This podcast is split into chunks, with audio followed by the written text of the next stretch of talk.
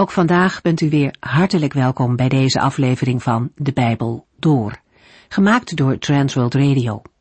Voor meer informatie kijkt u dan op onze website transworldradio.nl.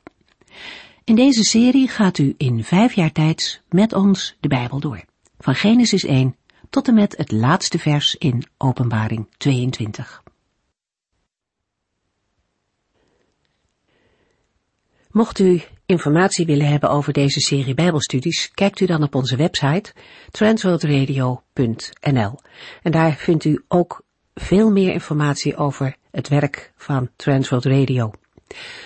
Vandaag lezen we verder uit Hosea. Die naam betekent God is redding. In zijn tijd vertrouwden de koningen van Israël gemakkelijker op andere volken dan op de Here. En daarnaast diende het volk van God de Here, maar combineerde dat met allerlei gebruiken van mensen die God niet kenden. De dienst van de Here werd vermengd met afgoderij en ook Baal werd gediend. Opmerkelijk is dat dit samengaat met een toenemende zedeloosheid en met geweld in het land. In alle opzichten dwaalt het volk van God weg van degene die haar echt gelukkig kan maken. Hosea's naam, God is redding, laat zien bij wie het volk moet zijn voor echte liefde. In dit boek zien we dat de Heere op zoek is naar het hart van zijn volk. Hij wil door hen, en dat is ook een boodschap voor ons, gekend worden. Maar in de eerste verse van Hosea 2 zien we al dat de praktijk heel anders is. De Heere klaagt als een echtgenoot zijn vrouw Israël aan en verwijt haar dat ze ontrouw is geworden aan hem. Indringend klinkt zijn oproep aan haar om toch te stoppen met overspel. Laat haar ophouden zichzelf aan anderen te geven.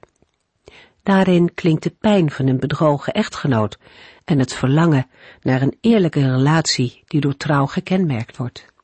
De Heere had alles aan zijn volk gegeven. Het ontbrak hen nergens aan. En toch had men niet eens in de gaten dat alle goede dingen van de Heere afkomstig waren.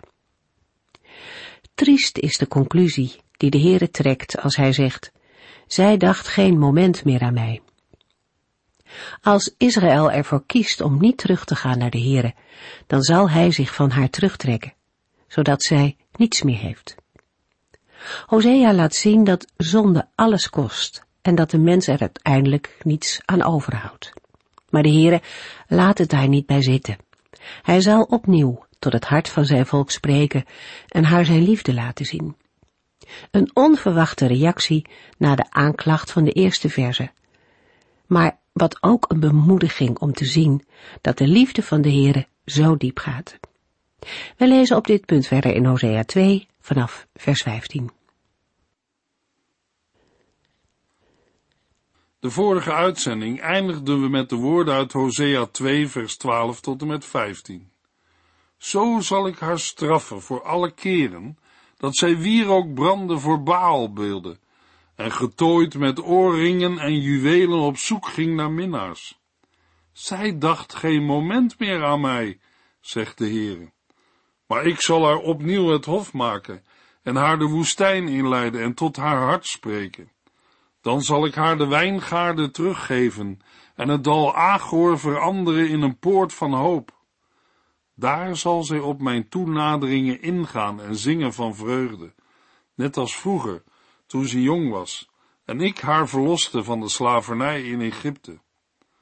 Die dag, zegt de Heere, zal zij mij, mijn man noemen, in plaats van mijn meester. Wie van ons had verwacht dat na de woorden uit vers 12, zo zal ik haar straffen, voor alle keren dat ze wierook brandde voor Baalbeelden, en getooid met oorringen en juwelen op zoek ging naar minnaars. Zij dacht geen moment meer aan mij, zegt de Heere. Luisteraar, had u daarna de woorden verwacht, maar ik zal haar opnieuw het hof maken en haar de woestijn inleiden en tot haar hart spreken? Israël lijkt immers op de vrouw van Hosea, Gomer, die zich hoe langer hoe meer als prostituee gedraagt en vreemde mannen achterna loopt om hen te beminnen en door hen bemind te worden. Het komt met Israël zelfs zo ver dat ze haar eigen man, de God van Israël, noemt met de naam van die vreemde mannen, de afgod Baal, wat meester of heer betekent. En wat de liefde van de Heer ook doet, ontzettend boos worden, dreigen of allerlei maatregelen neemt. Het helpt allemaal niets. O ja, Israël heeft wel eens een keer het gevoel, dit is het ook niet. Want zonde laat altijd een leeg gevoel achter, uiteindelijk een bittere smaak. Zonde bevredigt niet. En Israël neemt zich wel eens voor om terug te keren, vooral als ze tegen een muur oploopt en merkt dat de mens op het pad van de zonde vastloopt en er levenslange beschadigingen op kan lopen. Maar daar blijft het dan ook bij. De muren en blokkades op de weg van een mens leiden wel tot goede voornemens, maar niet tot bekering. Er is wel eens een onbevredigend gevoel over dit leven, maar geen begin van een nieuw leven. Vers 12 is een ontroerende klacht van de Heere over zijn volk. Zijn vrouw, aan wie hij werkelijk alles had gedaan, en die de Heere met zo'n grote liefde en trouw had omringd. Dat hoor ik in de woorden van de Heere. Zij dacht geen moment meer aan mij. Het is voor het eerst dat zulke woorden er met nadruk bij staan. Israël moet niet denken dat het over het huwelijksleed van Hosea gaat. Hoezeer dit woord ook dwars door de profeet is heen gegaan. Het is de Heere die klaagt over zijn volk. Na zulke woorden verwacht ik niets anders dan een definitieve oordeelsaankondiging. Lo Rugama en Lo Ami. Geen medelijden meer en niet mijn volk. Wij zouden zeggen in zo'n geval, met zo'n onverbeterlijke vrouw, die voortdurend te hort op is, achter andere mannen aan. Zij is de zorg en trouw niet waard. Maar dat is nu ook de verrassing. Dat zegt de Heere niet. De Heere zegt niet, ik zal haar verstoten van voor mijn aangezicht. In mijn boosheid zal ik haar vernietigen, overleveren aan de rechters om gestenigd te worden naar de eis van mijn wet. De Heere zegt niet, ik zal haar vergeten, zoals zij mij vergat. Nee, we lezen verrassend, maar ik zal haar opnieuw het hof maken en haar de woestijn inleiden en tot haar hart spreken. Luisteraar, begrijpt u dat? Hosea mag hier een blik werpen in de diepte van Gods hart, dat met innerlijke ontferming bewogen is over zijn zondige, trouweloze volk. Een volk dat niets anders doet dan hem permanent op het hart trappen. Wat gaat de Heere ver in zijn liefde en ontferming? Ik zal haar opnieuw het hof maken. Dat is omdat Israël zonder Gods hulp nooit uit zichzelf terug zal komen. De Heere kan zijn verloren kinderen niet in de steek laten. Hij neemt redenen uit zichzelf om hen opnieuw het hof te maken en haar de woestijn in te leiden en tot haar hart te spreken. De Heere zal het dal Agor veranderen in een poort van hoop. Het dal Agor betekent letterlijk het dal van ellende. Het verwijst naar Jozua 7. Het dal Agor speelt een rol in de geschiedenis van de intocht in Canaan, toen de Heere zijn volk voor de eerste maal in het beloofde land bracht. Het is een donkere bladzijde uit de geschiedenis van Israël, een herinnering aan Agan uit de stam van Juda, die gestolen had van de buit van Jericho, die aan de Heere geheiligd was. Daardoor had Agan Israël in het ongeluk gestort want het volk had een onbegrijpelijke nederlaag geleden bij het kleine stadje Ai. De Heer had toen de zondaar aangewezen en laten straffen.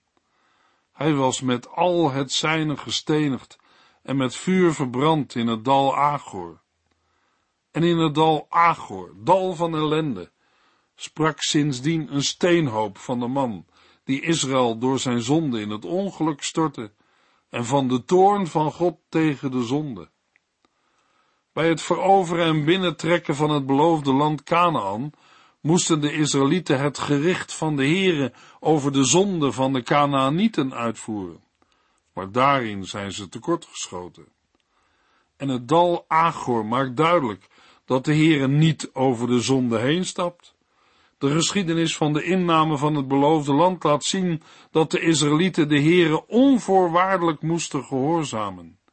Niets van dat wat de Heere met de ban had geslagen, mochten zij voor zichzelf houden, en zij moesten zich ook niet verontreinigen met de afgoden en de praktijken van de Kanaanieten. Alles wat Israël is overkomen, is voor ons een voorbeeld en een les. In 1 Corinthiërs 10 vers 6 tot en met 14 lezen we, die gebeurtenissen zijn een les voor ons. Wij moeten niet naar slechte dingen verlangen zoals zij. Loop ook niet achter andere goden aan, zoals sommigen van hen deden. In de boeken staat, zij gingen zitten om te eten en te drinken, en ze stonden op om losbandig te dansen. Pas daarvoor op. Laten wij ook geen ontucht plegen, zoals sommigen van hen, want daardoor stierven er op één dag 23.000 van hen. Wij moeten het geduld van de Heeren niet op de proef stellen, zoals sommigen van hen deden, want daardoor stierven zij aan slangenbeten.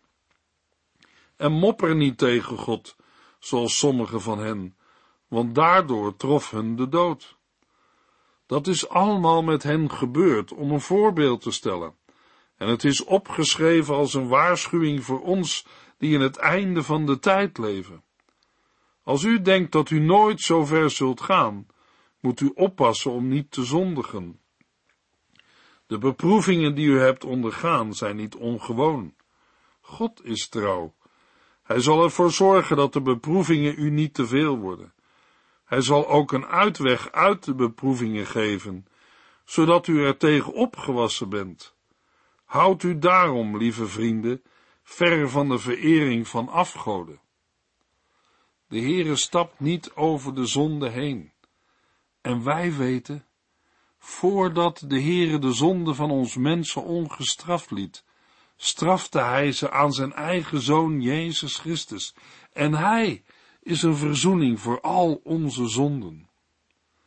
Hosea mag namens de Heere tot de Israëlieten zeggen, de Heere zal het dal Agor, het dal van de ellende, veranderen in een poort van hoop. Daar zal u op zijn toenaderingen ingaan en zingen van vreugde, net als vroeger, toen u jong was en de Heer u verloste van de slavernij in Egypte. Voor het volk Israël ligt de vervulling van deze belofte nog verborgen in de toekomst. De Heere zal hen verlossen en zegenen.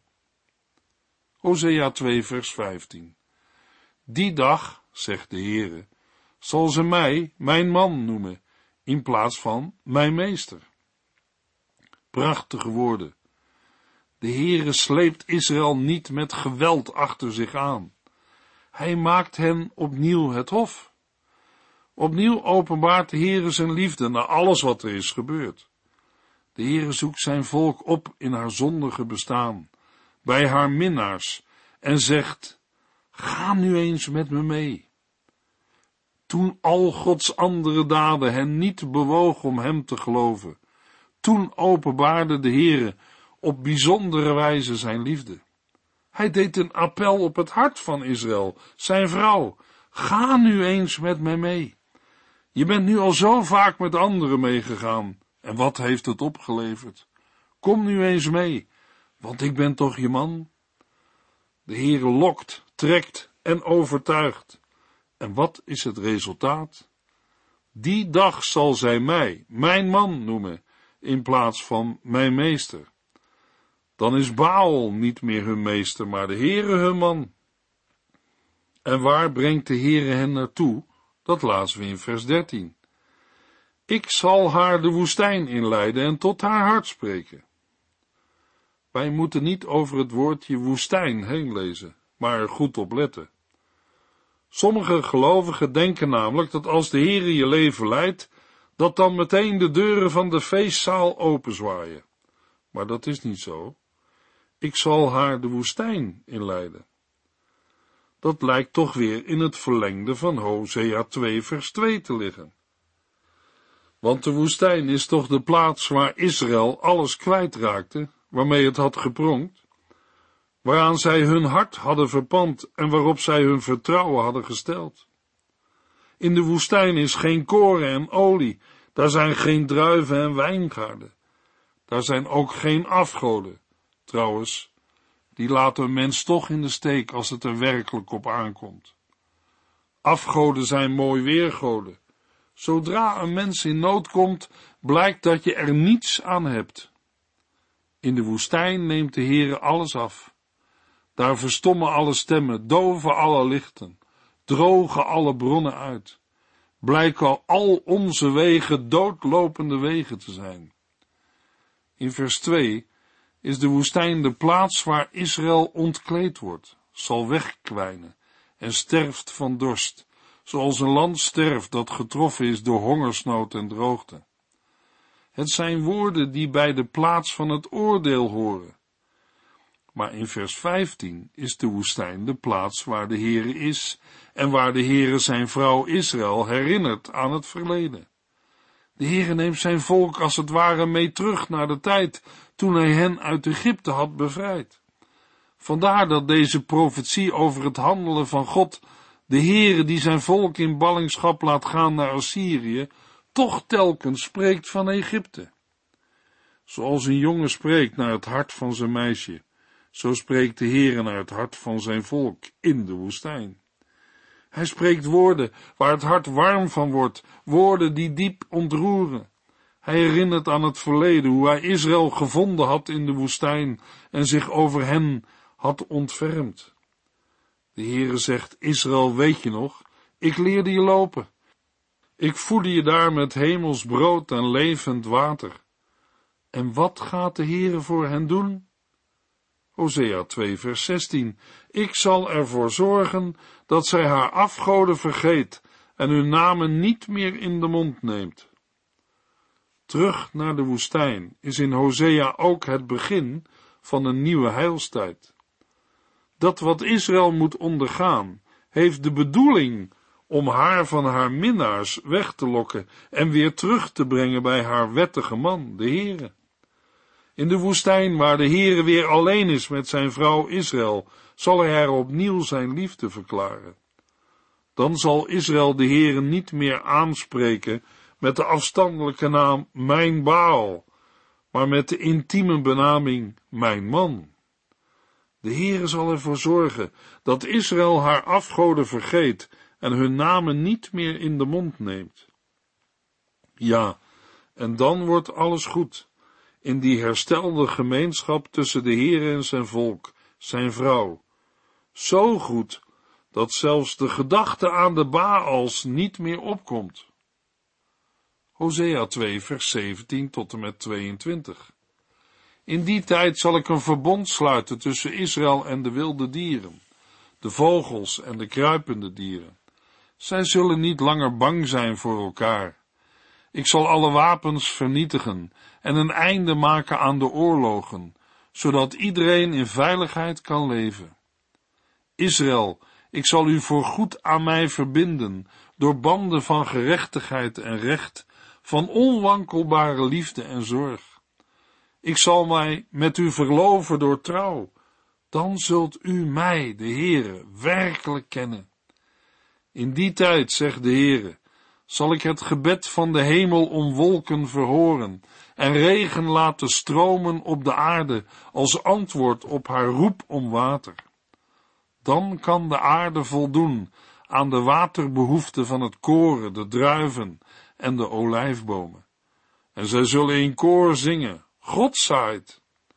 In die tijd zal ik een oogst aan Israëlieten zaaien en opkweken voor mezelf. Ik zal medelijden hebben met hen die geen medelijden meer hebben. Ik zal tegen hen die niet mijn volk zijn zeggen, u bent nu mijn volk. En zij zullen antwoorden met, en u bent onze God. In de versen 17 tot en met 22 wordt het heil dat de Heer aan Israël schenkt, bezongen met de woorden, die de vervulling na de ballingschap verre te boven gaan. Zelfs de vervulling die deze woorden hebben gekregen in de eerste komst van de Heer Jezus. Visioenen van de voleinding klinken door in deze oud-testamentische beelden. De harmonie van de schepping wordt hersteld. Dat is hier meer dan terugkeer naar de goede oude tijd. In Hosea is er voortgang in wat God doet en geeft. Dat is ook meer dan het beloofde land Canaan. Het is het paradijs. Daarmee worden in deze verse de contouren getekend van de nieuwe aarde. De woorden waarmee de profeet de verbondsvernieuwing mag verkondigen, doen denken aan woorden van de Heere voor de eerste intocht in Canaan. Zij herinneren nog meer aan de oordelen die in het voorafgaande gedeelte werden aangekondigd. De Heere herstelt wat onder het oordeel lag vanwege de zonde. De wilde dieren in vers 11, opgeroepen om Israëls boom- en wijngaarden kaal te vreten, krijgen geen kans meer om de oogst op te eten. Was het in Hosea 1 vers 5 dat Israël in het dal van Jezreel een verpletterende nederlaag zou leiden? Nu lezen we in vers 17, ik zal alle wapens vernietigen en een einde maken aan de oorlogen, zodat iedereen in veiligheid kan leven.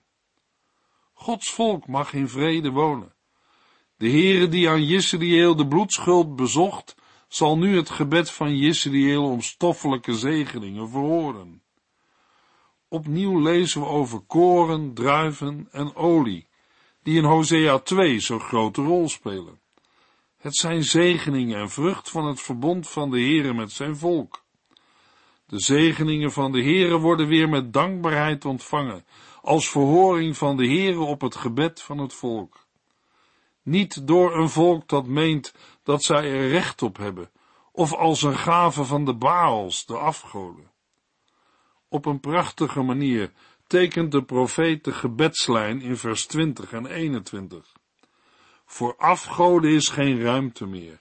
Alle zegeningen komen van de Heere en worden door hem gegeven. Maar het prachtigste is toch wel dat we lezen in Hosea 2 vers 18 en 19, waar we lazen, Israël, ik zal u voorgoed aan mij verbinden, door banden van gerechtigheid en recht, van onwankelbare liefde en zorg. Ik zal mij met u verloven door trouw, dan zult u mij, de Heere, werkelijk kennen. Opnieuw verklaart de Heere zijn liefde aan zijn volk. Ik zal u voorgoed aan mij verbinden. We kunnen ook lezen, ik zal u tot mijn bruid nemen. Het huwelijk wordt als het ware opnieuw gesloten en de Heere doet alsof er niets is gebeurd. Israël wordt in deze verse voorgesteld als de vlekkeloze bruid van de Heere. De Heere ziet haar, als had ze nooit zonde gehad of gedaan. En daarmee gaat de Heere niet voorbij aan zijn recht. Nee, hij ondertrouwt haar in gerechtigheid en recht, in onwankelbare liefde en zorg en door trouw. De grond voor het hernieuwde huwelijk, dat eeuwig zal zijn, ligt in Gods genade en trouw, met als vrucht de weldaden van de Heere, die hij als huwelijksgave aan haar schenkt. De Heere doet het om Christus wil, uit genade en naar recht. Daarom blijft dit nieuwe verbond ook tot in eeuwigheid. Het rust in de Heer en is gegrond in zijn trouw aan zijn eigen werk. Luisteraar, de woorden die wij lazen zijn rijke woorden voor het volk Israël, maar ook voor een ieder die zijn of haar vertrouwen heeft gesteld op de Heer Jezus Christus. In het nieuwe verbond zijn Joden en niet-Joden verenigd in het ene lichaam van Christus, op grond van zijn verzoenend offer.